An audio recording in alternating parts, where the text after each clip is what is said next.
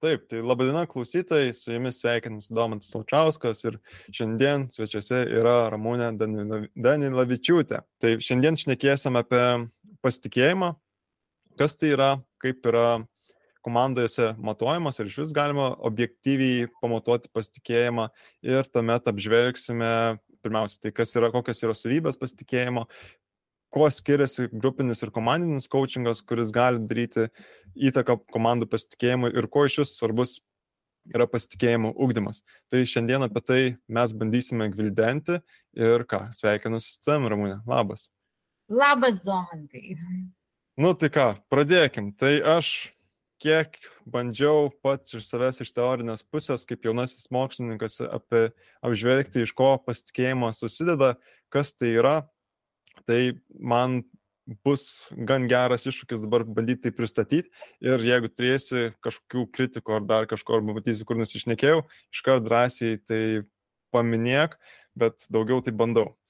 Kas yra pasitikėjimas? Ir pasitikėjimas, man atrodo, gan ir lengvai mes ir suvokiam pasitikim arba nepasitikim kažko. Ir su asmenim, su kuriais daugiau laiko praleidžiam, ar geri draugai, ar geri kolegos, na, su jais turim kažkokį irgi unikalų ryšį užmesgusi, kuris nuo laiko priklauso ir mes su jais labiau pasitikime.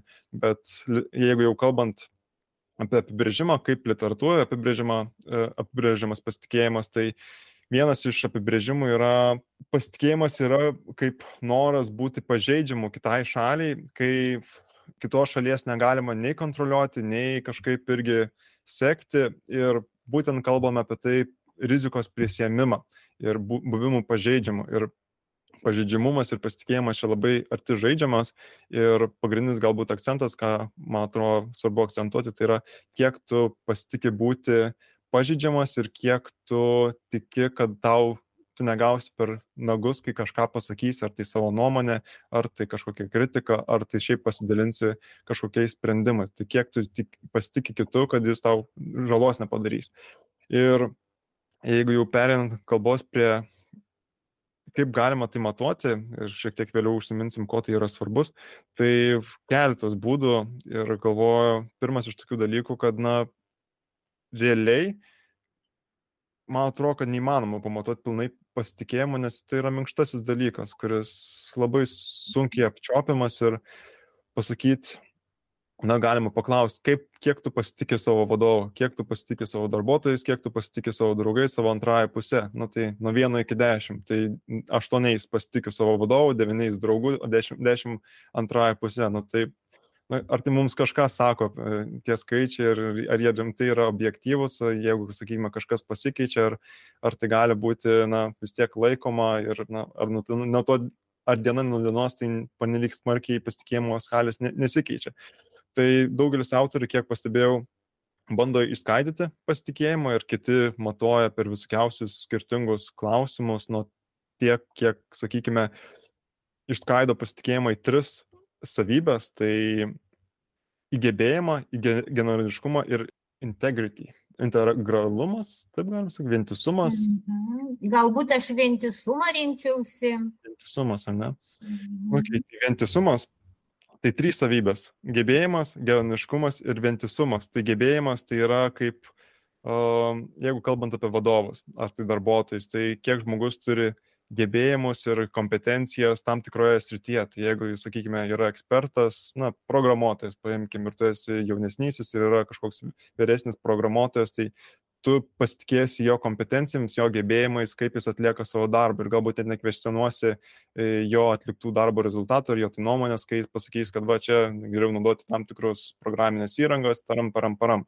Tai pasitikėjimas žmogaus gebėjimais taip pat yra geranoriškumu, tai kiek pats asmo tiki, kad žmogus nori tau gero, tai jeigu paimkim tą patį programuotą, tai gali pasitikėti jo gebėjimais, bet nepasitikėsi, kad jis savo nori kažką gero su savo programinė įranga, kad galbūt jis nori tiesiog ją parduoti ir užsidirbti savo pinigus, ar tai jam tiesiog nepatikėtum savo vaiko prižiūrėti ir, ir, ir neturi pasitikėjimo jo kaip asmeniu.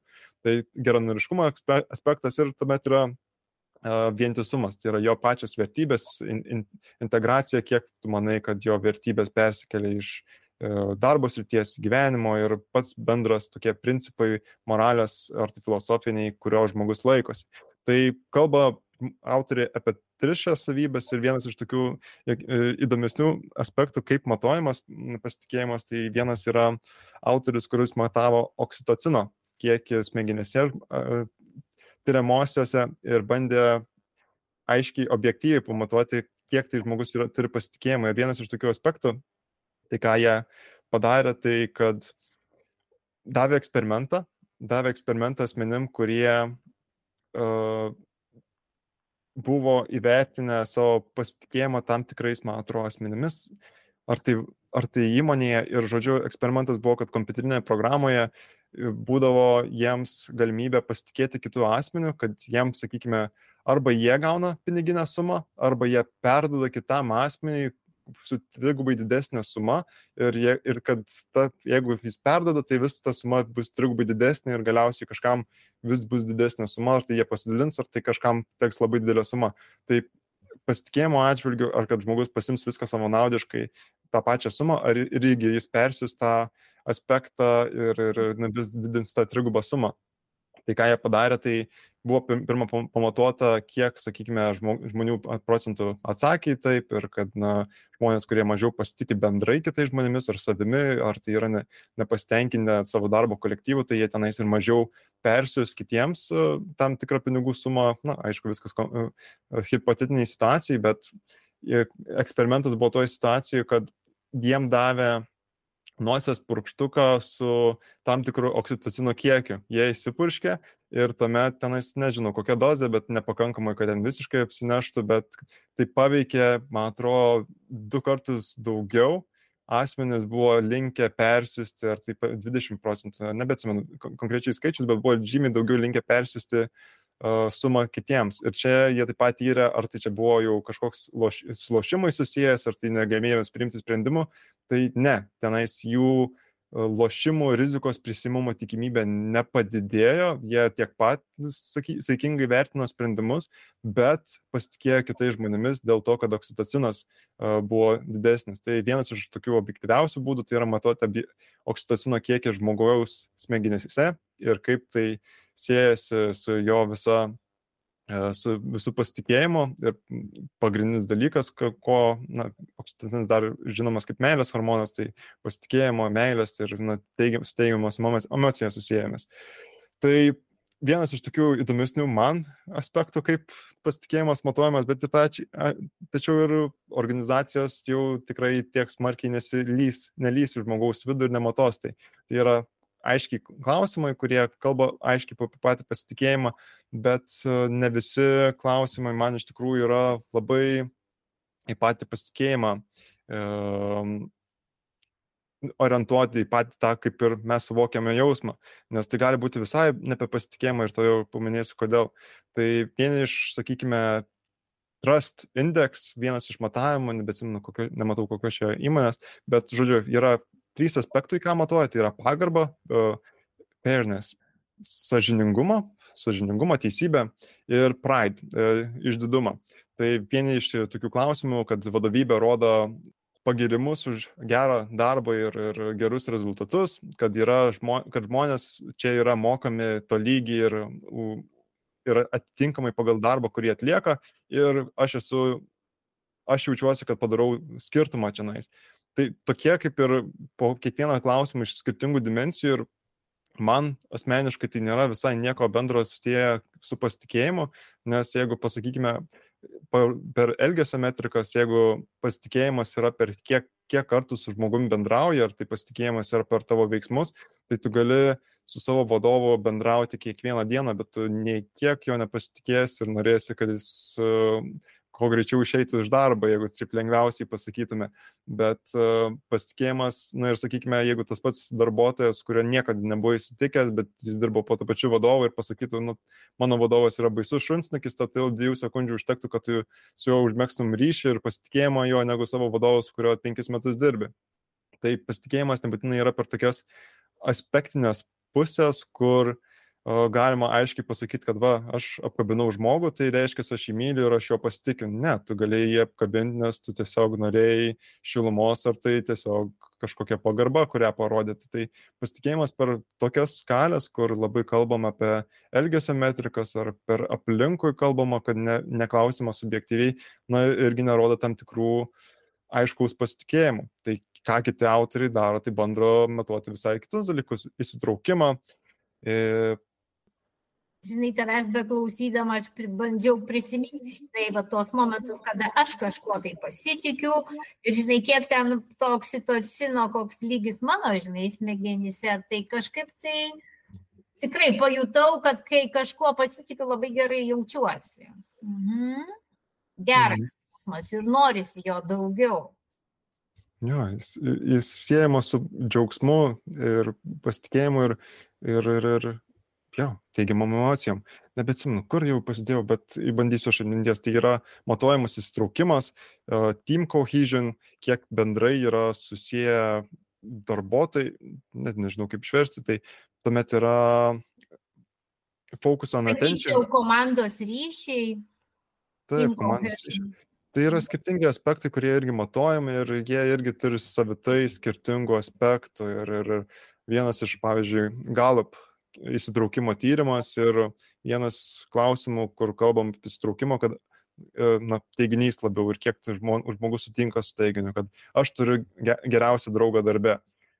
Pats teiginys, kuris matuoja įsitraukimą, tai čia, jeigu, sakykime, žmogus pasako, kad taip, aš turiu geriausią draugą, tai labiau yra akcentuojama, kad žmogus yra įstraukęs darbą, o priešingai ne. Na, tai iškart matome, kad tokie klausimai kaip ir gali signalizuoti pasitraukimą, jeigu žmogus gerai jaučiasi darbė, ten turi draugų, pažįstamų, jam yra suteikimos visos įrangos sąlygos dirbti ir na, tikėtina, kad tai bus įstraukęs, bet tai ne vis laik yra priežastingumas. Ir įsivaizduojant aiškiai introvertą programuotoją, kuris vienas viską gali programuoti ir įstraukęs darbą, jam tai patinka, bet nieko, su nieko nebendrauja, su tenais su projekto vadovais kažką gal padaro ir viskas. Na ir toks žmogus būtų pilnai įstraukęs į darbą, bet į tokį sakinį pasakys neigiamai. Ir aiškiai tokie ribotumai atsiranda. Tai va tiek mano toksai baisiai ilgas monologas, kurį labai džiaugiuosi pristatydamas ir pasiruošę šiek tiek, kad pasitikėjimas labai platus aspektas, kad tiek ir apie kompetenciją susijęs, tiek ir apie žmogaus geronaiškumą, tiek apie jo vertybės, kurias turi panašumą asmenį, tai kai kalbam apie pasitikėjimo matavimą organizacijose, na, tai yra na, labai sunkus aspektas, bet žinom, kad iš mokslinio tyrimų, kurie bandė matuoti pasitikėjimą, tai kad aukšto atlikties performance komandos pasižymi pasitikėjimu, nes jeigu kalbant apie kūrybinės organizacijas, kur yra na, visos paslaugų sektorius, kur yra su žiniomis susijusios, tai kad galėtum sukurti kompleksinius produktus, sudėtingus procesus, tau reikia bendradarbiavimo tarp žmonių ir reikia, kad būtų kritikuojama, teikiamos idėjos, teikiami pasiūlymai, kad žmonės netilėtų, nebijotų, kad jų pasakymai būtų nubausti ar kad, sakykime, prisidėjus prie tam kitų projektų, kur jeigu tavo, sakykime, matuoja, kiek tu pardavimų atlieki, ar tai kiek skambučių palieki savo darbo pozicijoje, tai jeigu tu naisi padėti ar tai projektų vadyboje, ar tai programuotojams su kažkokiais projektais. Ir tavo tai darbas nukenčia, bet organizacijai tai atneša daug vertės. Ir jeigu tu bijausi prisidėti prie na, kitų projektų, kurie tau įdomus ir teikia prasme ir matai, kaip tu gali tai padėti, dėl to ir tu būsi, sakykime, nubaustas, kad tavo pardavimai krenta, nu tai irgi bus noro bendradarbiauti, kurti geresnius procesus ir galiausiai gausis, kad ar tai skirtingi departamentai ir skirtingos pozicijos bus ne tai, kad egocentriškos, bet susti... gal ir egocentriškos tinka žodis, kad bus susifokusavusi savo rezultatus ir neturės jokio noro bendradarbiauti, kuriant aukštos pridėtinės vertės produktus. Tai pasitikėjimas, na, svarbiausias ne tik iš sistemų pusės, bet ir siekiant atlikti ir esminius darbus, nes jeigu tu pastoji abejoji savo vadovo geranoriškumo, kad jis tau nori gero, tai kai jis paklaus tavęs, kas tau nesiseka, ar, ar, ar kur šiuo metu tau yra, kur tau skauda, ar kur yra daug iššūkių, tu gali pagalvoti, kad jis tavo darbo, darbo vietą ga, nori atimti ir tenais pakeisti. Tai papildomas irgi įtampa psichiniai, psichiniam procesam, kad jau daugiau abejoji pačiais dalykais savo darbu, gal net renki įrodymus, kad gerai, aš, aš šiandien dirbau, ne, net nesimato mano laiškose, bet va, aš tą dieną tą padariau, tą padariau, tą padariau, renku įrodymus ir nu, tai irgi apkrauna tam tikrą protinę apkrovą ir tai leidžia, jeigu darom hipotezę, kad žmogus su mažiau apkrauta psichinė vieta daugiau ir atlieka darbą, ir daugiau idėjų generuojasi, ir daugiau sprendimų, ir daugiau energijos turi, nu tai aiškiai tai veda prie aukštesnės atlikties. Tai man atrodo, čia savaime aišku, kad pasitikėjimas organizacijoje vien tik sveikintinas dalykas ir tai prisideda prie aukšto efektyvumo, aukštų darbų ir šiandien būtent ir kalbėsime apie tai, kaip galime ugdyti pasitikėjimo komandose. Tai ką, mhm. kokios tavo mintis, Ramūnė, iš to, ką aš kol kas pasakiau? Tai iš to, kad tu pasakėjai, man labai, labai stipriai nuskambėjo tas vat, pasitikėjimas komandose.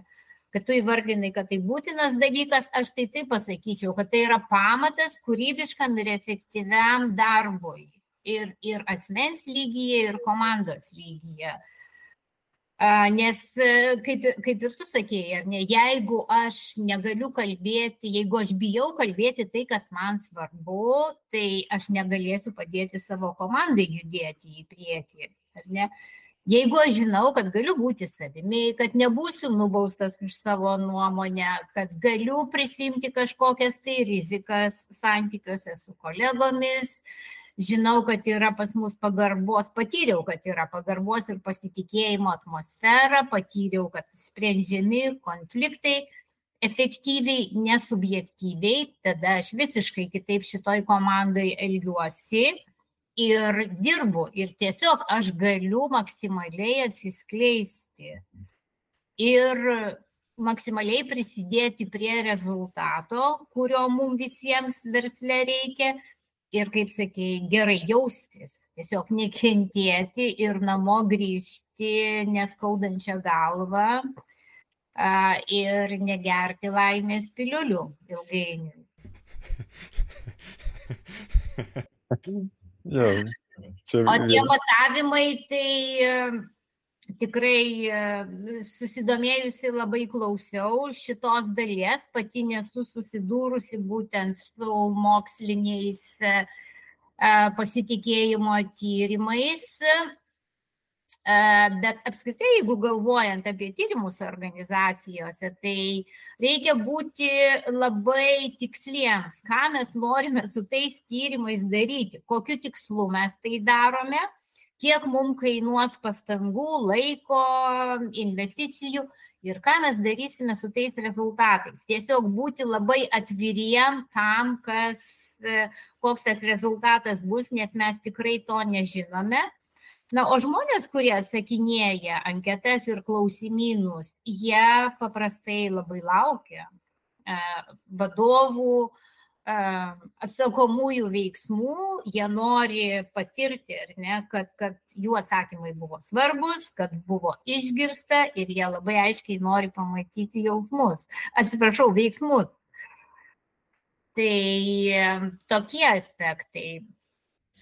O jeigu kalbant ar ne jau apie, jeigu pereinant į, į, į coachingo tematiką, ar ne kaip, kaip coachingas galėtų padėti organizacijoms didinti pasitikėjimą, kurti pasitikėjimo kultūrą ir ją stiprinti. Tai aš manau, kad čia yra nu, labai daug erdvės coachingui ir gali būti labai tokia svarbi komandinio coachingo sritis organizacijose. Pastaruoju metu apie pasitikėjimo organizacijose labai daug šnekama ir komandose, e, ir lyderių profiliai jie keičiasi. E, nebešnekame apie tai, kad lyderis turėtų labai pasitikėti savimi ir kad kiekvienas komandos narys labai pasitikėtų savimi ar ne. Tas akcentas dabar jisai pereina į pasitikėjimą tarp komandos narių.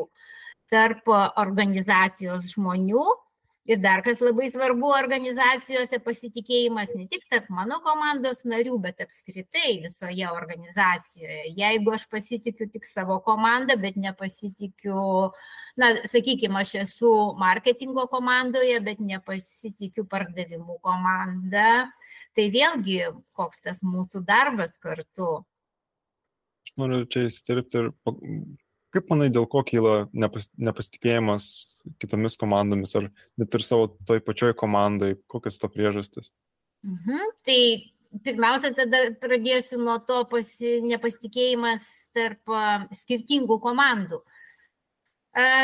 Jeigu komandos priklauso skirtingoms funkcijoms, tos skirtingos funkcijos turi skirtingus tikslus, jeigu jos mažai komunikuoja, galbūt konfliktuoja komandų vadovai ar konfrontuoja, tai tikėtina, kad tai jausis ir tarp tų komandų narių konfrontacija. Kad padėti susikalbėti skirtingoms organizacijos dalims, tai visų pirma yra komunikacija.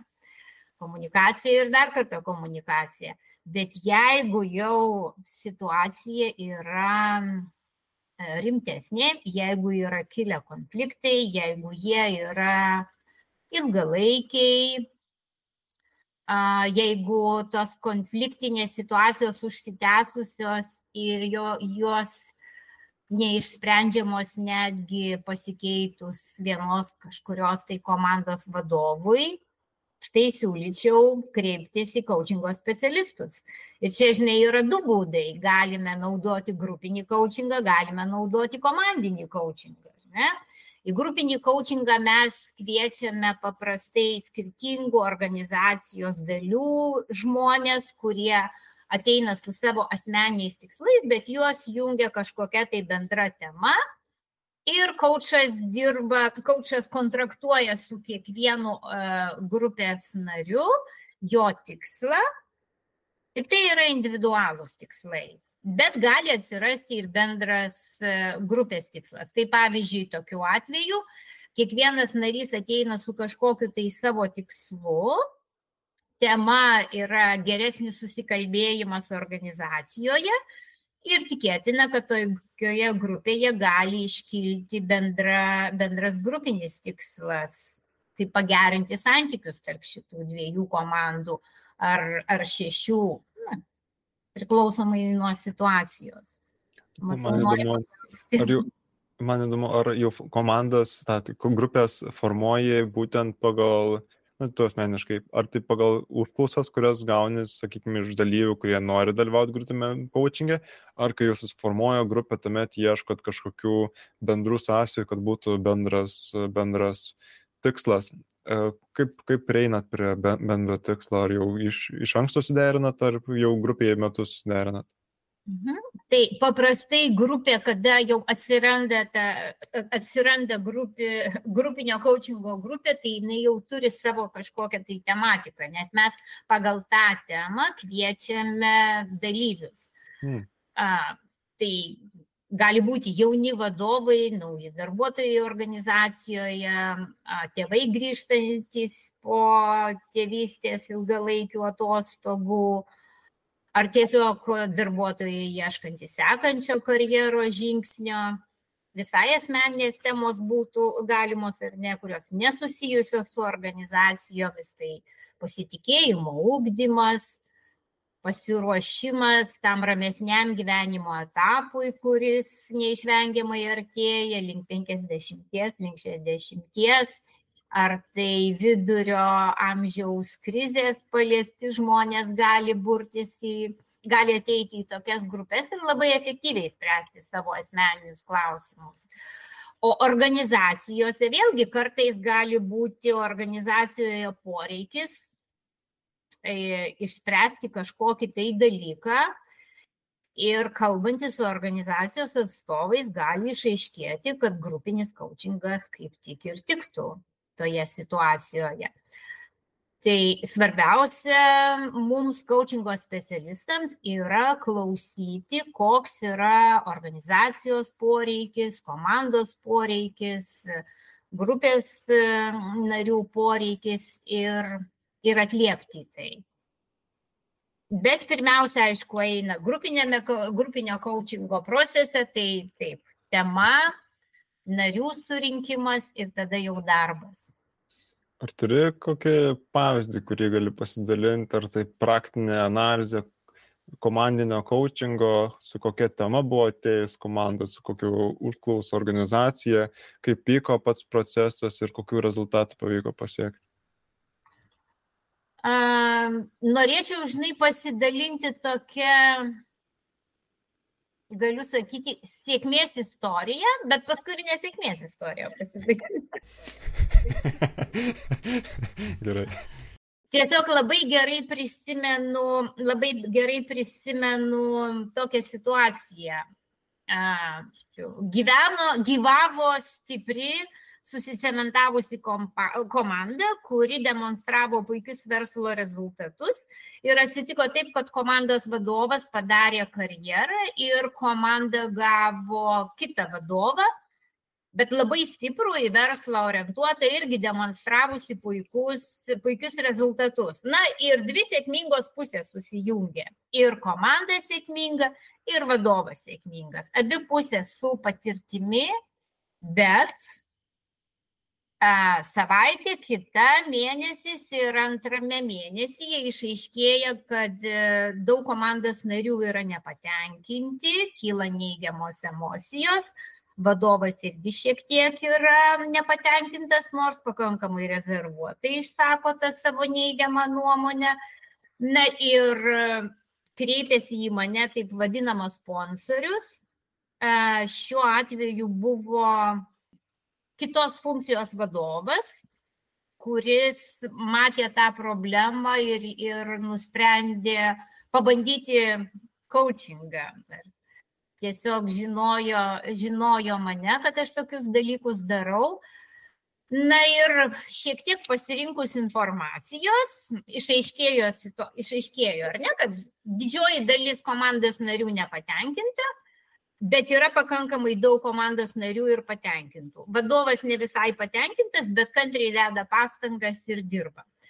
Tai ką aš turėjau hipotezę, ar ne, kad, su, kad sus, kaip pasakyti, susijungė skirtingi du dariniai, ar ne, kurie buvo įpratę dirbti savaip ir, ir tiesiog nebuvo, ir jie tiesiog nepaskyrė laiko adaptacijai. Tai pažinimui vienas kito ir susitarimui, kaipgi dirbsime. Tai ką aš dariau, aš tiesiog panaudojau MBTI, Myers-Briggs Type Indicators. Visiems tai labai patinka, ne, nes mes pradedame kalbėti apie save, kaip įdomu, koks mano tipas, aha, o koks mano komandos e, draugo tipas, labai įdomu aha, dominuoja pakankamai panašus tipai mūsų komandoje. Na ir po antros užduoties metu kada, kada buvo daroma užduotis, kuri ryškiai demonstravo skirtumus tarp žmonių, kurie yra orientuoti į santykius, į gerus, į gerus santykius, į jausmus ir, ir, ir kita pusė, priešinga pusė žmonės, kurie, kurie labai susirūpinę mąstymo procesais, kuriems svarbus rezultatas. Tokios užduoties metu labai aiškiai pasimatė jų skirtumai. Na ir tada tie nepatenkinti žmonės, kurie buvo jos žmonės, nes vadovas buvo T tipo žmogus, galvotojas, tie jausmų atstovai, jie tiesiog pratrūko, ne, ir išsakė savo nuoskaudas, neigiamas emocijas, nepasitenkinimą, bet tai nebuvo uh, nebuvo kažkoks lab, didžiulis polimas, tai toksai buvo mišinys ar ne įvairių neigiamų emocijų.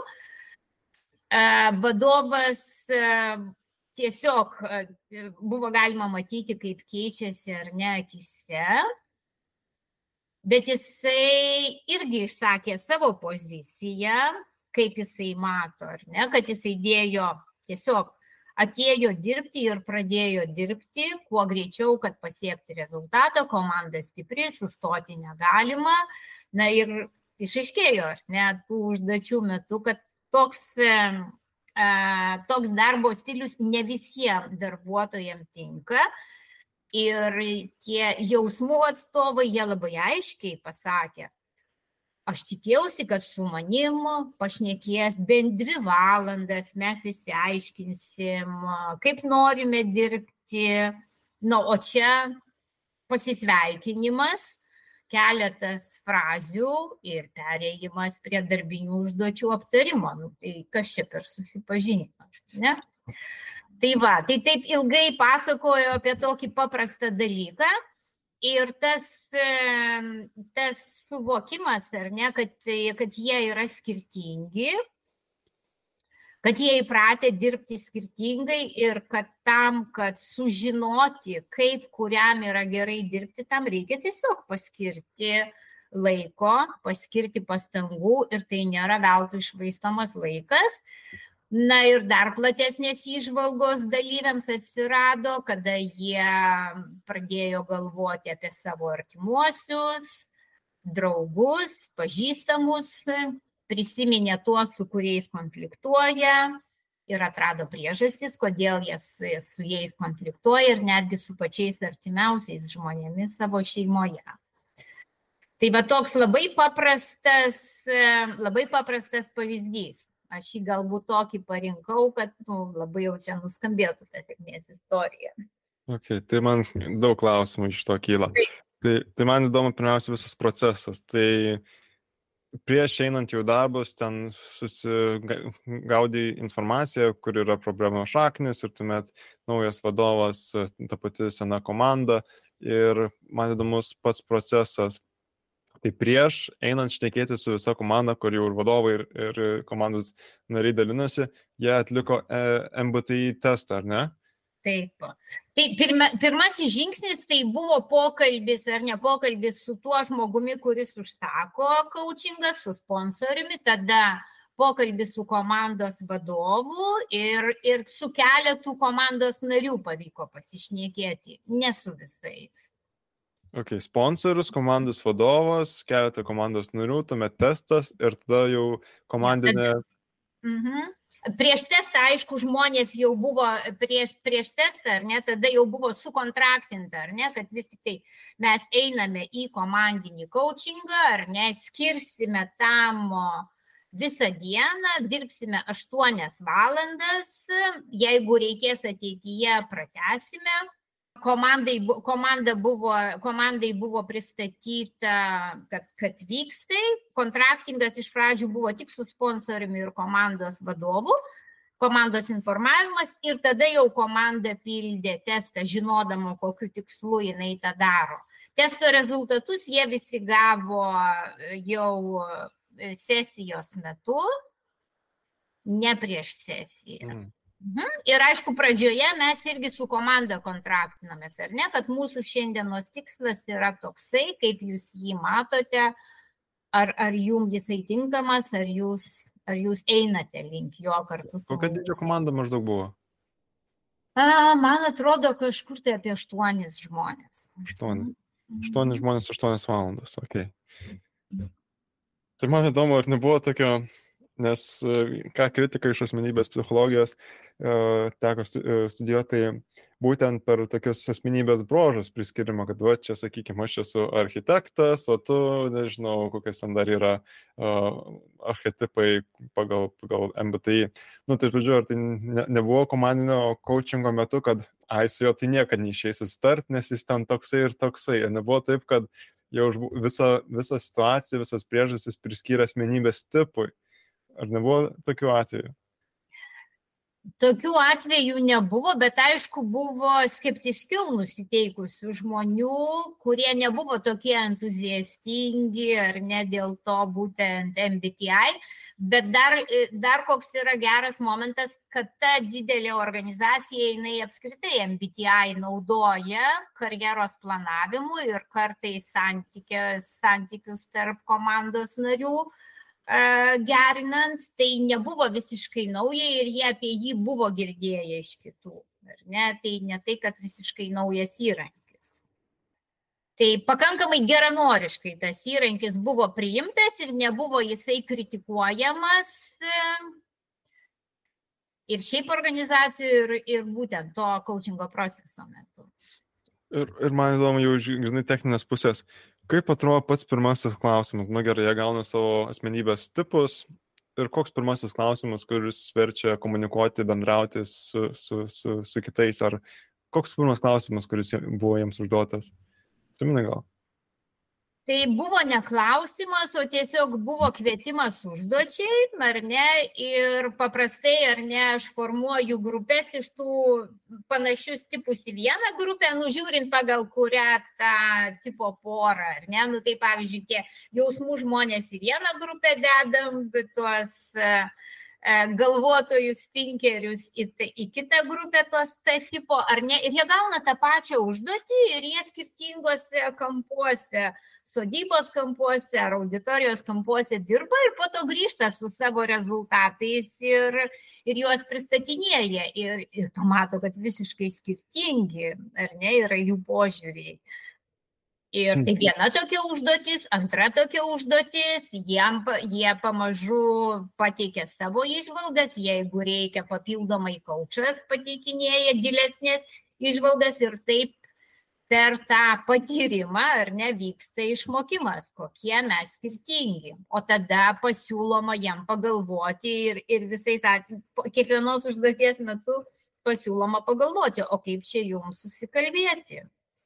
Kad anie jūs išgirstų ir jūs juos išgirstumėt, kur jūsų stipriosios pusės, kur, kur anų stipriosios pusės, o kam jūs vieni kitiems reikalingi. Šitas labai geras klausimas. Hmm.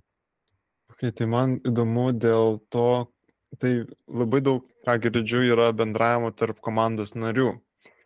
Ir man čia įdomu, nes minėjai, kad prieš tai viskas buvo tvarkoj. Ar pasikeitė vadovas, tuomet jau pasidarė sunkiau dirbti. Kas, kas būtent padėjo išspręsti konfliktą su vadovu? E, manyčiau, kad e, visų pirma tai, kad visi gavo dėmesio, ar ne, būtent tą dieną, ar ne, tai buvo labai ryškus ženklas, kad organizacijai rūpi tai, kaip jie jaučiasi ir tai, ką jie išsakė. Tada patyrimas, kad mes skirtingi ir mums paaiškėjo, kodėl mes kai kurie su kai kuriais nesusišnekam. Ir pabaigoje mes kalbėjome, irgi komanda kalbėjo apie tai, o ką mes, nu, ką mes visi darysime kad geriau susikalbėtumėm. Mm. Negaliu sakyti, kad tai komandai nebuvo problemų prieš tai, nu nėra idealių komandų, tikėtina buvo, bet čia dar buvo irgi toks aspektas, e, e, ko gero galima buvo daugiau skirti, organizacija galėjo skirti daugiau dėmesio tam pokyčio pristatymui, naujo vadovo pristatymui, paskatinti vadovą, apgalvoti savo įėjimo procesą į komandą, susitikimą suorganizuoti, galbūt ir neformalioje aplinkoje. Na, tiesiog komanda to ne, nedarė, mhm, nespėjo padaryti, nes puolė dirbti kartu. Nebeatsimenu, kažkoks, kažkoks irgi panašus uh, uh, iš istorijos pavyzdys yra, man atrodo, ar tai su atominės bombos projektu, kai buvo kuriama, tai Nebeatsimenu, jau galiu čia baisiai nusišnekėti, bet žodžiu irgi, kai buvo suformuota vyriausybės mokslininkų komanda, tai vietoj to, kad jau iš karto eitų darbuotis, tai tenais ar tai keletą dienų, man atrodo, praleido tiesiog miške, sodyboje ir ar ten su alum, ar ten, žodžiu, kalbėjęs, be jokių darbinių reikalų, bet užmergant ryšį. Ir tuomet tik tai jau, kai pasibaigė visas tenais trobelės eksperimentas, projektas iškart ėjo į, į darbus ir sėkmingai viską pasidarė, nes jau suprato, kas, kokie yra viena kiti lūkesčiai, vienas kito pažįsta, jau Ir galima čia net ir grįžti prie pasitikėjimo temos, kad tu pažįsti patį žmogų, žinai e, jo kompetenciją, žinai, kad jis yra geronoriškas, kokios jo yra vertybės ir leidži iš savo, iš savęs nebe taip jau bijoti dalinti savo idėjomis, ar tai pasakyti, ei, man nepatinka, kaip čia visi pokyčiai vyksta, aš noriu, kad man skirtum dvi valandas pokalbio laiko, aš noriu, man, mano tokie yra poreikiai, aš noriu, kad to, to pasirūpintum, na ir tokio kaip ir be ryšio užmėsgymo ir pačių darbo sąlygų atrodo, kad negalima ir aiškiai įvardinti ir, ir, ir tas ir sunkiau leidžia komandai funkcionuoti. Mhm. Iš to, ką girdėjau, tai man panašu, kad e, ta mokslininko komanda, jinai buvo išvykusi dviem dienom į taip vadinamą komandos kūrimo event, e, komandos kūrimo įvykį, ar ne, kaip čia išversti. Renginį. Tiesiog tas vadinamas team buildingas. Ja. Kada vieni su kitais susipažino ir tai pagreitino tą procesą jų susipažinimo ir tikėtina jie į kažkokius tai gilias analizės, kokie jie yra asmenys, kaip jie, kaip jie ruošiasi bendrauti, ko gero dar neėjo, nes, na, nebuvo dar tam laikas. Mhm. Tai dažnai organizacijose yra naudojamas tas, tas komandos formavimo renginys, ko, labai, labai tokia turtinga komandos formavimo praktika, bet aš manyčiau, kad or, mūsų organizacijos Lietuvoje jau priaugo prie to, kad galėtų pereiti dažniau naudoti grupinį coachingą, komandinį coachingą, nes vis tiek lėšos yra tiem renginiam skiriamos, yra skiriamas darbuotojų laikas, tai galima tai naudoti tokiom efektyvesnėm priemonėm. Na ir dabar atgrasinkim, kad nesinaudotų, kokios buvo nesėkmės istorijos, nes minėjai, kad jie ir buvo. Taip, tikrai prisimenu vieną tokią labai sunkę man komandą. Tai buvo maždaug 12 žmonių komanda, tarptautinė komanda suformuota labai dideliam sudėtingam projektui įgyvendinti. Žmonės susirinko iš įvairių šalių, netgi iš skirtingų organizacijų. Komandos vadovas buvo labai patyręs, orientuotas į žmonės. Komandoje buvo daug brandaus amžiaus žmonių, tai buvo techninė komanda. Dar vienas momentas, ir nedaug techninių žmonių, keletas brandaus amžiaus žmonių, anksčiau užėmė vadovaujančias pozicijas, dabar, dabar tiesiog komandos nariai. Tai komandoje buvo daug nepasitenkinimo, kad jie nesusišneka, ne visi komandos nariai paklusdavo vadovui. Tai inicijavo tą komandinį coachingą kaip ir pats komandos vadovas, sponsoriaus čia nebuvo, kontraktingas vyko tiesiogiai su vadovu ir, ir pirmasis pokalbis su juo ir dar buvo vienas pokalbis su vienu iš komandos narių. Daugiau narių pakalbinti prieš komandinį coachingą nepavyko. Na va, ir tokia komanda, mm, pusė žmonių tikrai iš pradžių labai skeptiškai buvo nusiteikę to proceso atžvilgių. Vienas žmogus apskritai pirmos, pirmos dieną, pirmą dieną, nu, pir, pirmo to, pirmos tos sesijos metu, kuri truko visą dieną, ištisai jisai buvo, jisai konfrontavo, demonstravo savo neįgiamą požiūrį, uždavinėjo klausimus labai iš šoną, ar ne, vis reikėdavo jų gražinti ir aišku, tai, na, trukdė tą darbą, kurį aš maniau, kad komandai būtų naudinga atlikti. Tai negana to, dar per pertrauką aš gavau atgalinį ryšį iš komandos vadovo, kad mes per daug laiko skiriame refleksijai ir kad ta refleksija šitai komandai visai nereikalinga ir jinai nieko neduoda ir reikėtų eiti prie aktyvesnių kažkokių tai darbo, aktyvesnių intervencijų, ar ne, kad būtent daugiau būtų, daugiau būtų to, to mano įsikišimo. Tai, tai va tokia situacija. Na ir kažkaip, kažkaip tai mums pavyko labai nedaug per pirmąją dieną padaryti tiesiog išsigryninti, kad nepatenkinti komunikaciją, labai daug buvo nepatenkintų komunikacija, susikūrė komanda veiksmų planą, kaip tą komunikaciją pagerinti, kad jinai būtų efektyvesnė. Taip pat šitai komandai dar aš irgi naudojau kitą įrankį, tai klausimyną nustatyti komandos vystimosi fazėje, kokia jinai yra. Ten vėl labai pasimatė toksai nuomonių išsibarstimas, ar ne? Nuo pirmos iki ketvirtos fazės ten buvo galima rasti atsakymų. Ir, ir iš to klausimyno išlindo tokia išlindo, sakau, tokį žodį vartoju, nes tikrai labai aiškiai pasimatė tokia silpna vieta komandos atgalinio ryšio naudojimas. Na, labai mažai komanda naudojo atgalinio ryšio ir tarpusavyje, ir savo iš, išorės partneriams. Tiesiog pirmos sesijos metu mes sukontraktavome, kad sekanti komandinio coachingo sesija jinai bus apie grįžtamą į ryšį. Tai mums pavyko per pirmąjį, per, per, per 8 valandas padaryti tik tiek. Ar ne? Ir tos to wow, kaip čia, kaip, kaip čia dabar gerai, kaip pagerėjo situacija, dabar jau mes daugiau suvokėme, kur mums čia reikia eiti, to nebuvo. Vadovo didžiulio pasitenkinimo taip pat nebuvo dėl mūsų to skirtingo požiūrio. Mm, į refleksijas ir tai irgi buvo mano darbo klaida.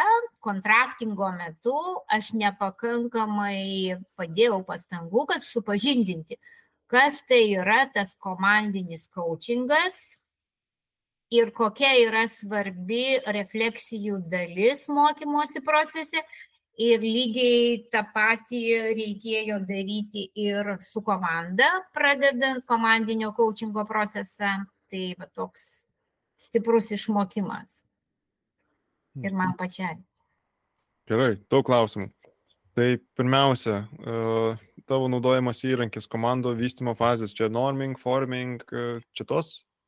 Ne, čia buvo pagal Susan Wieland teoriją adaptuotas vienai organizacijai naudojamas, nu, panaudotas klausimynas tai dirbo tos organizacijos Global HR komanda, nu, tarptautinė. Ta, tas, ta personalo valdymo komanda, kuri yra atsakinga už, už lyderystės vystymą, už komandų vystymą. Tai tiesiog organizacija didelė, turinti, turinti stiprias pozicijas ir galinti savo tai leisti. Gerai, antras man klausimas. Tai e, minėjo, nebetinu vadovas, man atrodo, minėjai, kad per daug čia mes laiko refleksijai, skiriam geriau daugiau intervencijos pasidarom. Kaip įtikina jos turėti antrą sesiją apie grįžtamą ryšį tada? Tai kadangi po tos, jo, kad tai buvo per pertrauką, sakykime, vidury ar ne vidury tos dienos ir dienos pabaigoje, nu tiesiog labai aiškiai išlindo, ar ne, tas, ta, tas momentas ir jisai pasirodė svarbus daugeliui komandos narių ir pačiam vadovui, ar ne. Tai vad būtent tas, ko gero, tas aspektas, jisai ir, jo, jisai jisai paskatino vadovą tęsti tą procesą. Ir tikėtina, tikėtina po to buvo kalbamasi su komandos nariais, ką jie mano apie tai, ar to reikia. Ir šiaip dar galėsime grįžti prie to grįžtamojo ryšio, tokio paprasto įrankio, nes jis pasitikėjimo kūrimui tiesiog yra labai, labai svarbus. Jo, ir tuomet man dar įdomu yra apie pačio, uh, patikslinkiu, nebe, nebenoriu maišyti. Va, vadovas sakė, kad refleksijos per mažai, ar ne? Ar tai mhm. vadovas siūlė, kad būtų planas? Gerai. Tai Uh, man... Įdomu, tai dar čia norėčiau pasakyti, galbūt buvo ir daugiau narių komandoje, ar ne, kuriem tai buvo nepriimtina, galbūt jie e, spėjo su vadovu pasišnekėti, bet tas, kas kreipėsi, buvo vadovas. Mhm. Ir man įdomu, kokios manai priežastis, kodėl jie mano, kad daugiau vertės būtų veiksmų plan, plane, o ne iš refleksijos. Kodėl manai taip jiems būtų jų nuomonė sukūrę vertę, jeigu būtų orientuotas į, į veiksmų planą. Mhm.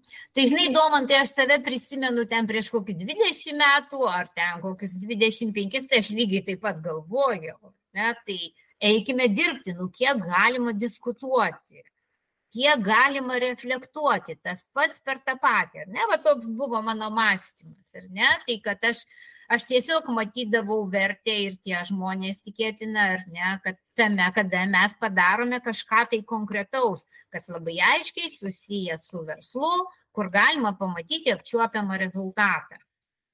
O nagrinėjimas to, kas veikia, kas neveikia, ką aš manau, kaip aš jaučiuosi, kaip tai veikia kitus, na, nu kokia iš to vertė. Tai mes visai neprieartėjom prie savo to siekiamo rezultato. Ir man čia labai įdomu, nes Jie kreipiasi dėl nepasitikėjimo, ta, e, nepasitenkinimo ir dėl komunikacijos tokos. Ir sako, ne, ne, čia grįžtamasis ryšys, atgalinis ryšys, kam čia mums tai išnekėti, kam kreiptis, geriau einam iš karto darbus. Tai čia toksai aiškus paradoksas, kad su tam tikrom problemų šokinamis atėjo ir nori eiti toliau su savo, veiksmų, e, su savo veiksmais ir tęsti, kaip nieko, nieko, nieko nebuvo. Tai čia, čia toksai kaip ir ar, ar čia grinai, va, taip ir aiškiai iliustravau situaciją, kad nors ir žino, kad čia yra problemos šaknis, bet nieko nedaro, kad tai spręstų ir toliau vadovaujasi savo įprastais procesais, įpročiais. Ar čia toksai, tokia situacija buvo? Tokia ir galbūt labiau, žinai, kaip versle, kaip versle tenai būna. Tiesiog visko reikėjo vakar ir viską labai greitai reikia daryti, ar ne? Ir kaip čia dabar sustosi kažkokiam tai refleksijom ir kažkokiem tai pokalbėm, kaip efektyviau dirbti, jeigu daug darbų tiesiog vėluoja. Tai dažnai tai būna organizacijose. Tai puiku, kad vadovas, kad vadovas nusprendė kažką tai daryti, kad jisai nusprendė daryti komandinį coachingą, kad jisai pasitikėjo coachu ir kad tos sesijos metu ne visi buvo nusiteikę labai priešiškai. Tai ir įvyko tas procesas. Ir vėlgi žmonės įvairias savo nuomonės dėstė. Girdint komandoje kitokią nuomonę, jinai vėlgi pažadina mano kažkokias tai išvalgas. Ir aš tada pradedu galvoti apie tuos kitus dalykus. Gal iš tikrųjų čia to grįžtamojo ryšio reikia. O dar jeigu kažkas papasakoja, kaip jam pasisekė kažkokiuose tai sudėtingesniuose bendravimo momentuose su verslo partneriais, tada lengviau patikėti ir nuspręsti eiti bandyti. Ir tu šitą atvejį vardinai kaip nesėkmės istoriją. Kodėl? Tai vat, įvertinau, įvardinau, kad buvo nepakankamas mano kontraktavimas. Komanda buvo, e, kaip pasakyti, komanda buvo sudėtinga, turėdama dabartinę išmintį ir patirtį, aš dirbčiau dviese, nes 12 žmonių jau yra daug. Vėlgi, kai dar yra viso, kai, kai, kai dar minėjau, ar ne, kad tai yra techniniai žmonės, kad tai, kad tai vėl buvo buvusių vadovų turinčių galbūt kažkokiu tai lūkesčių ar nuoskaudų, uh, labai daug dalykų vyksta ir, ir sunku juos visus ar ne surinkti vienam. Vėlgi vienas žmogus, kuris neigiamai nusiteikęs, jis labai daug, į jį reikia investuoti daug energijos, tam atiduoti, nuo jos turi tik tiek, kiek turi. Na, ir dar galbūt didelis labai pasitikėjimas, žinai, savimi, vėlgi tos pamokos, jos pamokos mūsų ugdo. Mhm. Ir man įdomu šitoje situacijoje, kaip ugdytum pasitikėjimą. Kitaip, minėjai, kad dirbtum dviese, taip pat daugiau kontraktuotum, kas yra svarbu, apie ką dirbsim. Ir kiek aš suprantu, pasitikėjimo tokioje komandai nėra pernelyg daug, nes nesidalinama grįžtamo ryšių.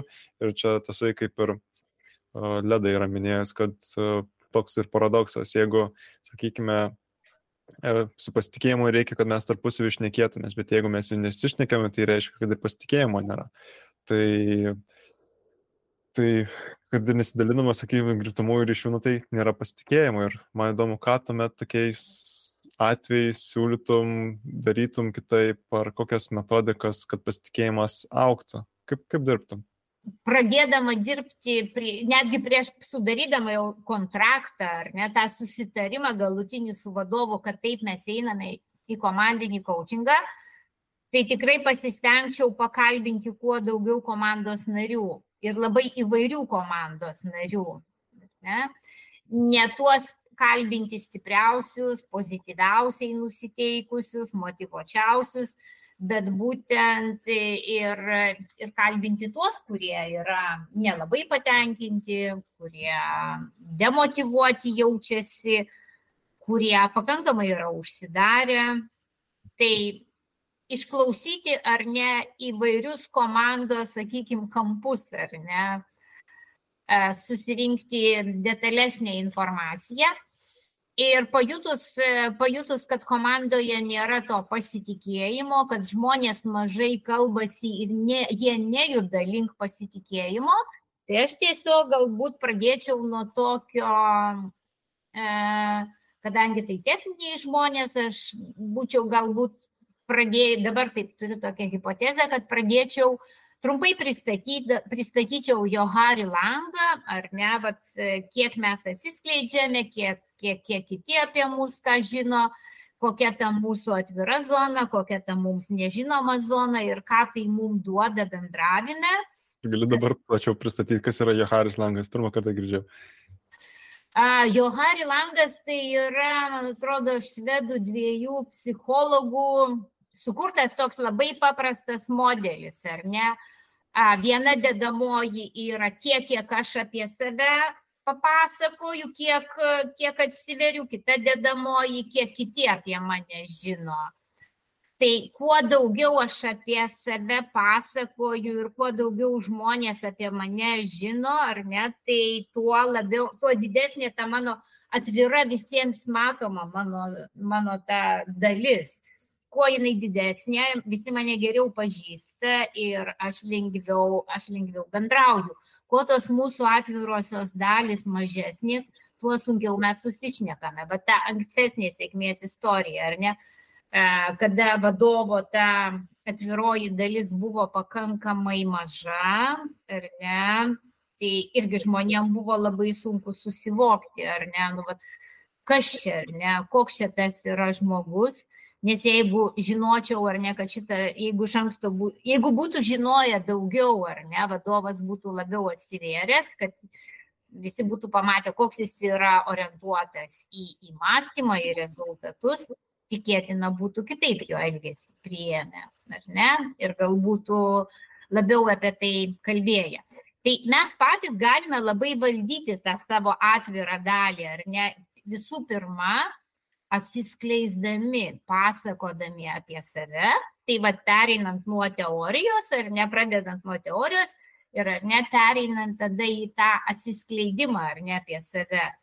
Tai vėlgi galima daryti labai primityvės, paprastas užduotis ar ne porose, papasakok savo poros, papasakok vat, užduoties partneriui, apie tokį dalyką, kokio niekam dar gyvenime nesipapasakojęs, ar ne? Galima ir taip. Ir tada vat, paskatinti žmonės pajausti, o kaip tai buvo, ar ne, kai aš tą papasakojau, ar tai man labai skaudėjo, ar visai neskaudėjo, palengvėjo, ką aš atradau, o kaip man buvo, kai kitas žmogus atsivėrė.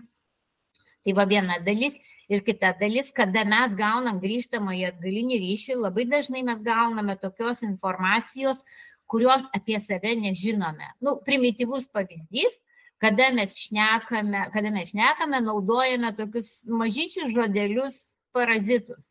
Aš labai dažnai naudoju ar ne, ar ne, arba hmm, jie, jie nereikšmingi visai ir, ir kartais labai trukdo ir trikdo klientus. Ar mm. kažkoks tai įprastas, bet ten kažkokia kūno kalba, dažnas linksėjimas, galvos pakreipimas į kažkokį tai šoną. Tai kada mes gauname tokią informaciją, jinai mums yra labai naudinga, nes patys mes jos negalėjome kažkaip tai išsigraibyti, ar ne, tiesiog mums aplinka ją davė. E, galbūt mums tai būna nemalonu, bet tiesiog suintegruojame tai ir kažkaip tai keičiame elgesį. Ir gerėja mūsų bendravimas. Ir kaip pasitikėjimas, kaip ir pradžioj buvau minėjęs, kad labai siejasi su pažydžiamumu. Ir man atrodo, kad nu, ga, tie žmonės, jeigu techniniai žmonės, ar tai kompetitingi asmenys, tai parodimas, kad jie kažko nežino, ar tai atsivirimas apie save, jie gali tai laikyti kaip silpnybę. Ir būtent pasakymus, kad aš nežinau, kaip daryti, ar tai dalinamės apie save, apie savo baimės, apie savo, savo traškimus, arba tai, ko nu, vis, visi apie tai kiti nežino, nes tai gali būti galimybė, kad kažkam kitam įgelti ten, kur tau yra svarbu. Ir uh, Brené Brown, kuri kalba apie pažydžiamumą, išskiria tris priežastis, kodėl mes tiek daug straglinam, tiek daug muistame su pažydžiamumu. Mhm. Tai pirmiausia, mes nes pažydžiamumas tai visų pirma niekam nėra malonus procesas. Tie žmonės, kurie yra pažeidžiami, kurie atiduoda visa širdimi save, jie irgi vardėjo, kad tai yra nemalonus procesas, bet svarbia, na, būtinas, be, be jo kitaip neužsimerga ryšys ir pasitikėjimas kitais. Tai čia, kad užsimėgstų pasitikėjimas, mes ir turime būti atviri, mes turime nusimti visus savo antpečius ir ypač darbo kontekste, jeigu mes laikome save profesionalais, kad aš daug turiu žinoti, turiu išmanyti, turiu uh, būti atsakingas ir na, turiu įgyvendinti savo projektus ir kuris tokį fasadą ir sunku nusimti tokią kaukę, nes jeigu nusimsi, gal kitam karjerą kels, gal aš iš vis darbą prarasiu, gal mane kitaip kolegos žiūrės, kad aš esu silpnas ir aš nesugebu kažko susitvarkyti ir gal iš vis ten, na žodžiu, visas pasaulis sugrius.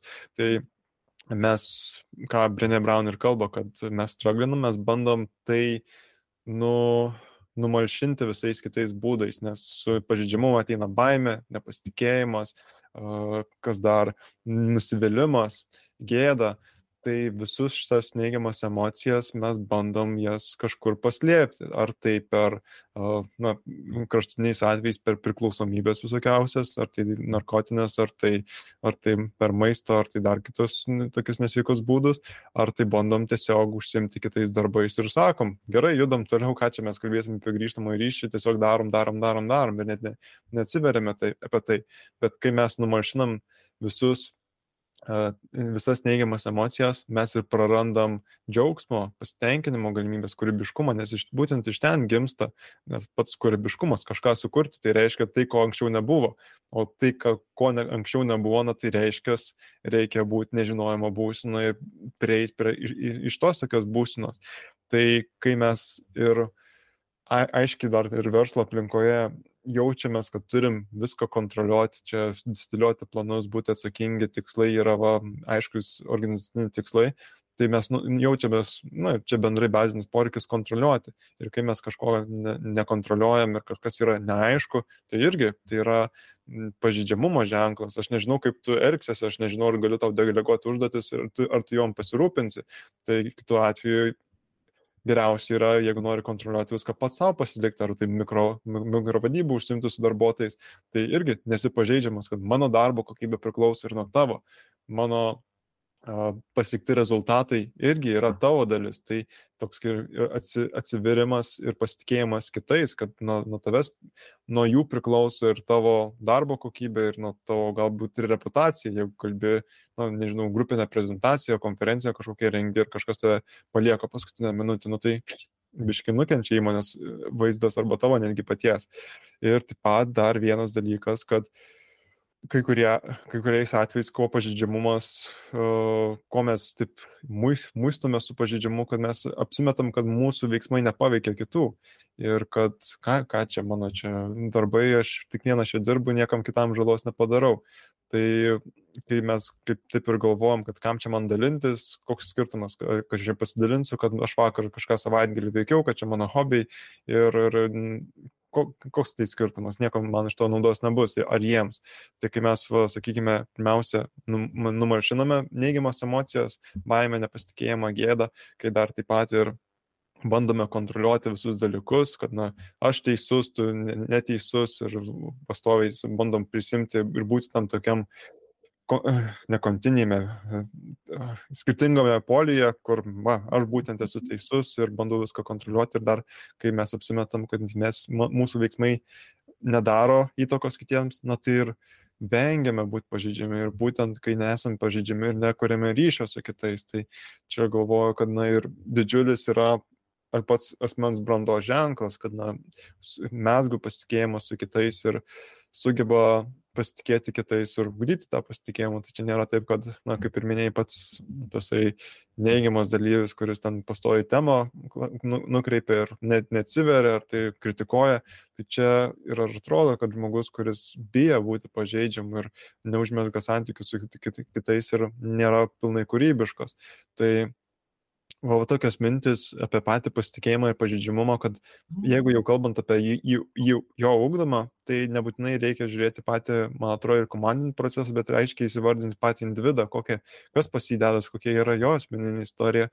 Ir čia, e, kaip ir mes jau apsitarėm prieš patį pokalbį ir pakalbėti kontekstus, kada individualus coachingas padeda uh, pasiekti įmonėje rezultatus ar pasi, ugdyti pasitikėjimo, kada komandinis coachingas. Tai man atrodo, šiuo atveju, kai, na, jeigu to neigiamo aspektu, to kritiko, e, kuris pastovi kritikavo, tai jo atveju, man atrodo, nu, naudingiausia būtų skirti individualų coachingą išsiaiškinti, kam šaknis, kur, kur visą, iš kur tai viską kyla. O komandinį coachingo, kur jau tavo sėkmės istorija paminėta, kur yra jau kaip ir uh, gerai bendrauti, nusteikia, nėra skepticizmo, įsitraukia, žmonės dalyvauja ir iš to gimsta idėjas. Tai kokias mhm. tavo mintis apie tai? Labai pritarčiau Domantai, kad su pažeidžiamumo tematika pradėti dirbti reikėtų individualiame lygyje, naudoti individualų coachingą. Nes jeigu, jeigu darbuotojas, vadovas, jisai, jisai nesiberia, jeigu jam sunku pripažinti savo netobulumą, jeigu jis uh, bijo papasakoti apie savo klaidas, nesėkmes, uh, prašyti pagalbos, e, bijo būti nesuprastas, tai, tai tikėtina jisai grupėje ar komandoje nesvers. Nors galbūt grupėje, ar ne, jeigu prasidėtų tas atsiverimo procesas, jisai būtų inicijuotas kitų grupės narių, galbūt tai jį patrauktų. Bet mano patirtis tokia, kad aš su tokiom temom su vadovais, su vadovais dirbu individualiai ir jie būna labai nustebę, didžioji dalis labai nustemba dėl to, kad būti pažeidžiamu, pasirodyti, kad, kad aš esu silpnas, netobulas, darantis klaidas, kad tai yra stipru ir kad tai galima daryti ir kad tai veikia, labai nustebina. Ir ką aš darau, tai aš pati pademonstruoju savo savo pažeidžiamumą, jeigu tai, jeigu randu ar ne kažkokias susisėjančias temas. Tas irgi, tas vadinamas, kaip pasakyti, demonstravimas savo pavyzdžių yra labai paveikus. Tai va čia su, su individais. Ir tikrai prisiminus tą, prisiminus pavyzdžiui, nu, kad coachingo procese, komandinio coachingo procese asmenį, kuris uh, kuris taip elgesi, kuris atvirai konfrontuoja, neigia, nei, neįsitraukia į užduotis, tai vėlgi tikėtina, kad jisai turi kažkokių tai sudėtingų dalykų viduje, sunku ar ne, dabar sunku, sunku čia kelti hipotezės, bet viena iš jų gali būti, kad jis jaučiasi nesaugiai. Ne? Tiesiog. Tai vėlgi, tokie, tokie dalyviai ne visada jie nori dalyvauti asmeninėme coachinge, o kadangi coachingas yra savanoriškas procesas, tai vėlgi vadovai paprastai, galbūt kai kuriuose organizacijose vadovai ir spaudžia savo darbuotojus, eiti į asmeninį coachingą, bet vėlgi coachas įvadinių pokalbių metu jisai identifikuoja tuos dalykus ir paprasčiausiai nepra, nedirba su tokiu klientu. Darbas su pažeidžiamumu ir pasitikėjimo, pasitikėjimo klausimai gali, gali būti puikiai nagrinėjami ir su jais dirbama grupinio grupinio coachingo kontekste, kada žmonės susirenka nebūtinai iš tos pačios komandos ne, ar tos pačios organizacijos, kada jie yra šiek tiek toliau, vienas nuo kito mažiau vienas kitą pažįsta, tai vėl čia nai toje saugioje terpėje grupinėje, nes mes susitarėme, ar ne visų pirma, dėl tų saugumo taisyklių, konfidencialumo taisyklių ir, ir ją sekame sesijos metu, ne tik kaučas, bet ir visa komanda.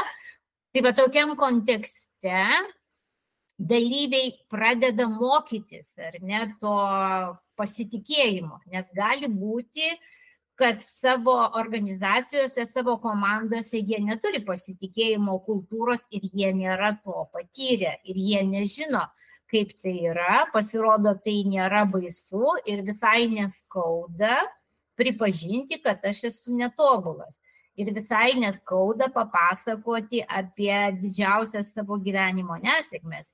Ir netgi dalyviai patiria palengvėjimo jausmą, ne, ir jie sako, oi kaip dabar gerai jaučiuosi. Ne? Bet to ne, nesuvesdami su tuo, kad jie čia prieš valandą išsipasakojo kažkokį tai dalyką, e, e, papasakoja visai grupiai.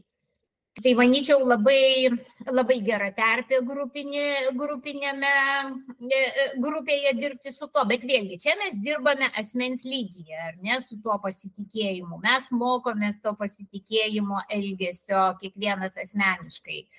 Na ir grupėje, ar ne, jau, jau mes išmokste, jau mes mokomės su tuo kitu žmogumi, su kitais žmonėmis, ar ne, kaip tai yra, kai aš daugiau atsiveriu, kaip man, kaip aš priimu kitą žmogų, kada jis daugiau apie save papasakoja, ar mes suartėjame, ar mes nutolstame, o man kas atsitiko, kada aš labiau atsivėriau. Na, o komandinėme coachingė tai jau dirbama su santykiais komandos viduje. Žiūrime, ar ne, kokia komanda atėjo ir, kokie, jo, ir kas ten yra. Tiesiog pasitinkam klientą ten, kur jisai yra. Hmm. Ir žiūrim, kur toliau galime eiti ir vėl kur komanda ar nenori eiti su jie kontraktuojam, nes vėlgi gali būti, kad komanda iš pradžių jaučiasi nesaugiai, nepasitikė kočiu, nepasitiki tuo, kad, e, kad tai, kas vyks šiandien tame, tame, tame to grupinio coachingo sesijose, kad tai nepasklis po organizaciją, kad tai neįtakos jų karjerų ar aukštesnių vadovų požiūrio į juos.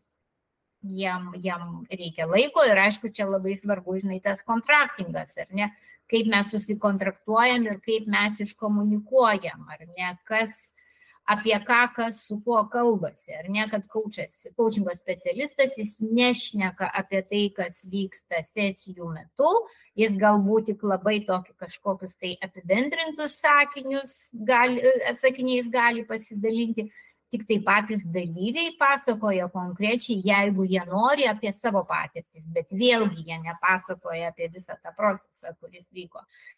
Bet kai, jeigu organizacijoje žmonės turi kitokių patirčių, arba jeigu jie atėjo dar iš kitų organizacijų, kur turėjo neigiamų patirčių, tai aišku, jam, jam reikia laiko patirti, kad čia yra saugu, tuo patikėti ir pamažu pradėti keisti savo elgesį. Daug čia pripasakojau.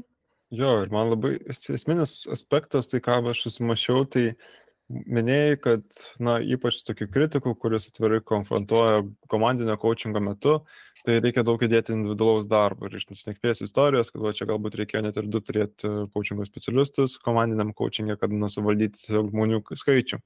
Ir aš, man atrodo, nebeatsimenu, ar literatūroje buvau užmatęs, ar tiesiog bendra, bendra, va, iš Adam Granto uh, Take. Uh, jis kalba apie tai, kad uh, vienas blogas obolys visą statinę gali su, sugadinti ir būtent, kad kai yra e, organizacijos pilno žmonių, kurios give, pasižymė give charakteristika, tai yra tos, kurios duoda ir yra mm, pastovi nesirūpinančio, nežinau kaip jis apibrėžia give, bet jis pagrindė kalba apie tai, kad tos, kurios nesiekia vien tik savanaudiškų tikslų, bet mato, kaip tai gali padėti ir net ir jų, tam tikra jų sąskaita. Tai jeigu, sakykime, pardavimai, tu vien skambučius turi daryti ir nuo to tavo priklauso darbo užmokestis ir ateina naujas kolega ir tu jie pokai, tenais visko padedi, patarimus, gal iš vis net nepažįstamas iš kitos organizacijos paskambina tau klientas ar tai dar kažkas ir tu jam duodi patarimus, nors ten tavo kompanijai visai neįnauda. Tai, tai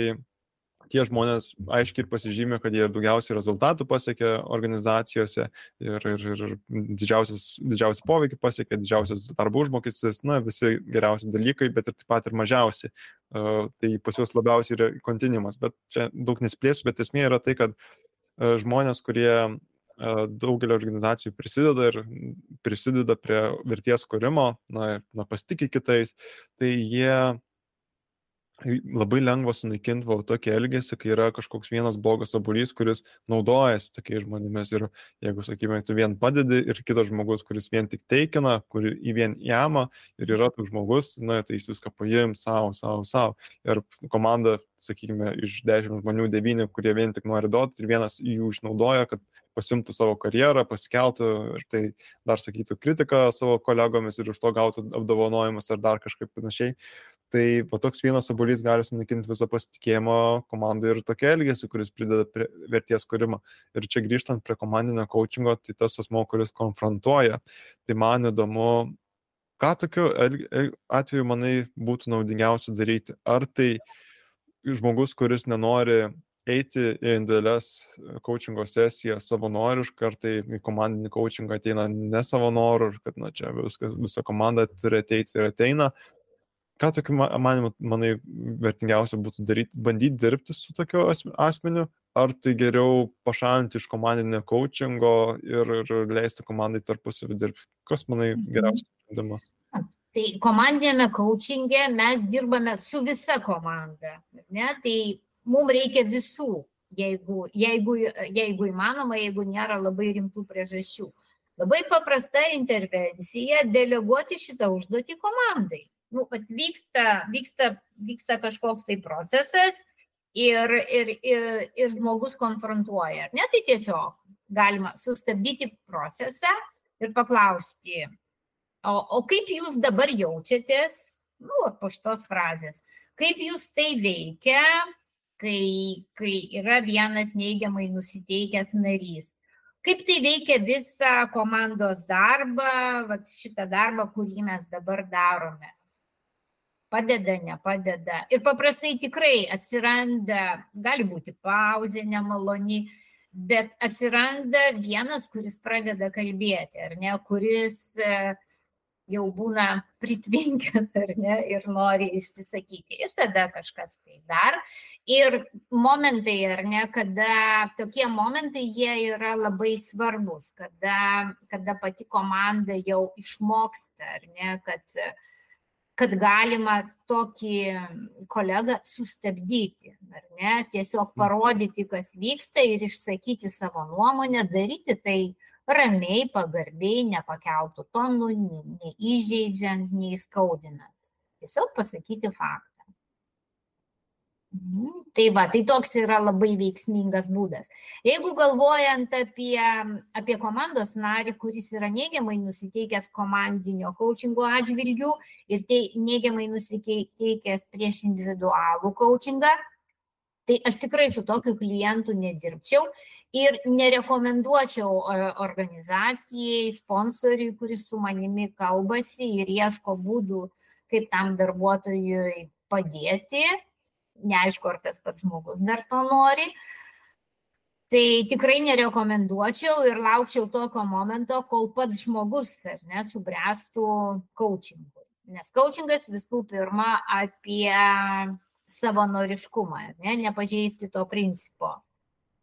Jeigu turime komandą, kuri, kuri pasiruošusi, komand, kuriai reikia komandinio coachingo ir, ir, ir nori jinai ir kitos suinteresuotos pusės organizacijoje, bet yra vienas žmogus, kuris tam priešinasi, ar ne komandos narys, tai aišku, geriau nepilna komanda lai eina į procesą, negu kad iš vis neina, ar ne? Bet vėl tokiu atveju prieš tokiu atveju, aš manau, dar galima padirbėti su tuo žmogumi ir tikrai a, paskirti laiko pasišnekant apie tai, kokie privalumai būtų, jeigu jisai eitų į tą procesą ir kokie minusai, jeigu neįtų. Nu, ir atvirkščiai, ar ne? Ką jisai praras, vad ką jisai praras, jeigu jisai neįs. A, kaip tada jisai jausis komandoje Nes vėlgi tada, o jeigu dar keli tokie asmenys ar ne, tai tada vėl komandoje gali susiformuoti sub, subkomandos ar ne. Ta subkomanda, kuri kaučinasi ir ta, kuri nesikaučina, ar ne? Tai ta, kuri kaučinasi, ją tie nesikaučinantis gali pradėti vadinti kažkokiais, tai nežinau, ten, sekta, švitusiais ar tikėtojais, nes paprastai uh, paprastai tas coachingo procesas įtraukia ir žmonės labai entuziastingai tai reaguoja didžioji dalis. Aišku, jeigu procesas yra sėkmingas. E, tai vėl dar ką gali padaryti visi komandos nariai, ar ne? Vėlgi visi komandos nariai gali pasikalbėti, ar ne? Ir tie, kurie entuziastingai nori eiti į tą procesą, gali dalinti savo nuomonę ir galbūt E, padėti apsispręsti kitaip tam komandos nariui. Daug, daug variantų, aš tai būčiau, aš tai tikrai už tai, kad dalyvautų coachinge, komandinio coachingo procese visa komanda, nes tada jie kalba viena kalba, tada visa komanda išmoksta to naujo efektyvaus elgesio, kaip jiem greičiau judėti link savo tikslų, rezultatų, patapti kuo greičiau pačia efektyviausia, geriausia savo komandos versija. Na, o jeigu mes vieną tokį turime, tokį, tokį kitokį obolį, ar ne, ir jis rėda labai lietai, tai vėl kokiu greičiu ta visa komanda rėdės ne, klausimas. Ar jinai sugebės kompensuoti to vieno žmogaus lietą rėdėjimą? Hmm. Ir labai graži mintis, jau artėjant link pokalbio pabaigos. Ar yra kažkokia tema, kurios nepalėtėm, bet norėjai, kad paliestume, ar, ar, ar kažkas tokio?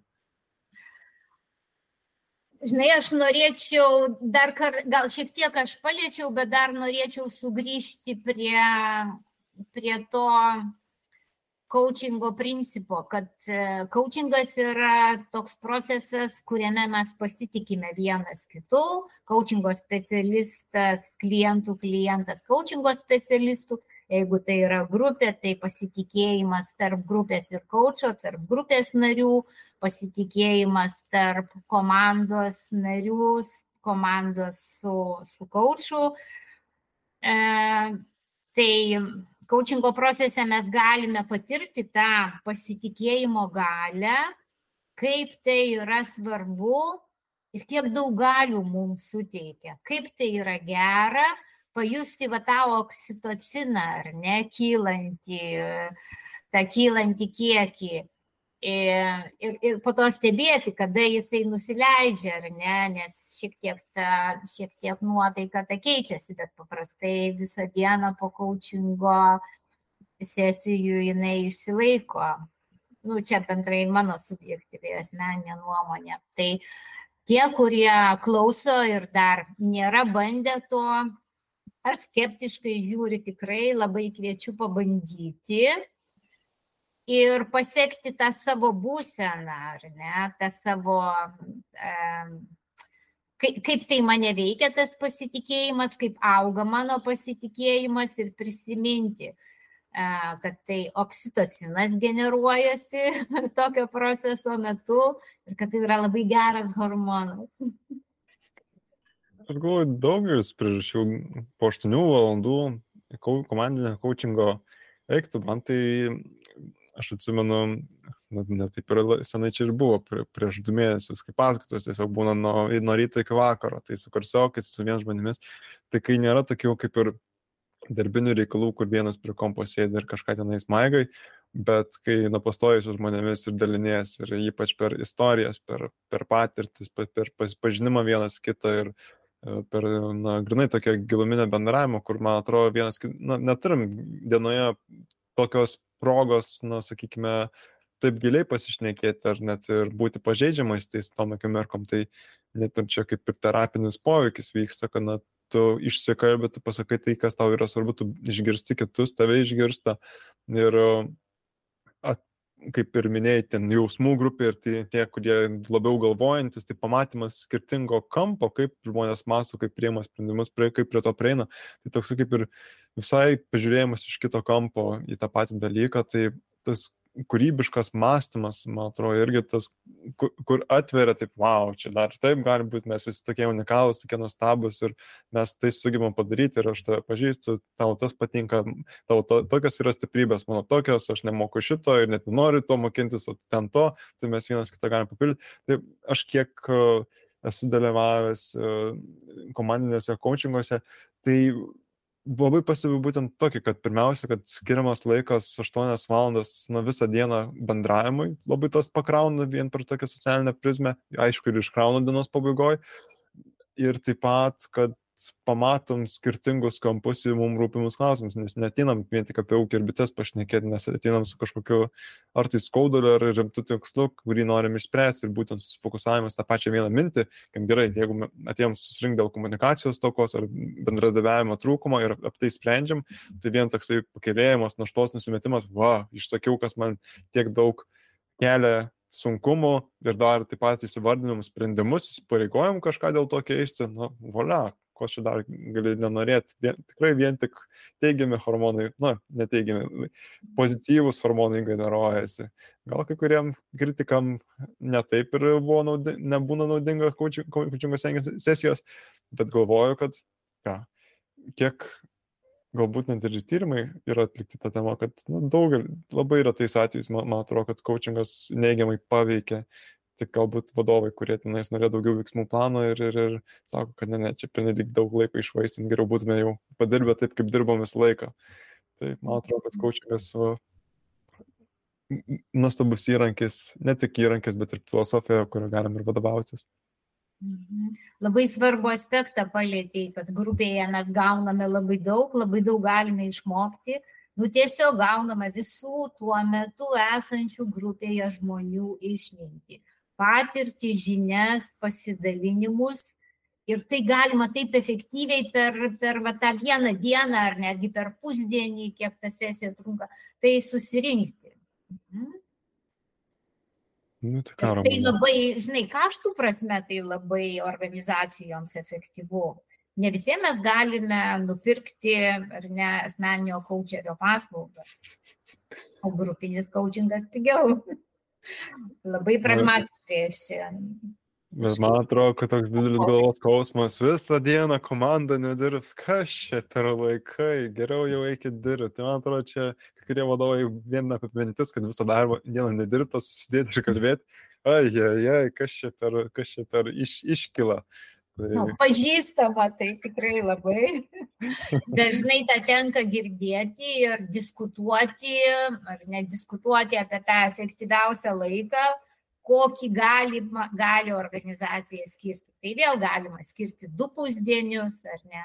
Galima skirti bent po tris valandas keletą kartų. Tai vėl priklausomai nuo to, kokio dydžio komanda, Nes jeigu komanda yra labai didelė ir, ir mes dirbsime tik tai ten dvi valandas ar tris, tai kiek, kiek laiko turės kiekvienas žmogus tam, tam, tam, tam refleksijai ar ne, dalyvavimui, veikimui sesijoje. Tai čia daug tokių labai įvairių aspektų, bet aš labai, labai pritariu tai tavo, žinai, nuomoniai, kad išreikštai minčiai ir ne, kad coachingas tai, tai, tai ne tik tai įrankis, mes dažnai coachai sakome, kad tai yra gyvenimo būdas, gyvenimo filosofija, kad tai pakeičia mūsų gyvenimus, kad tai pakeičia mūsų santykius organizacijose, komandose ir mūsų santykius su pačiais artimiausiais žmonėmis.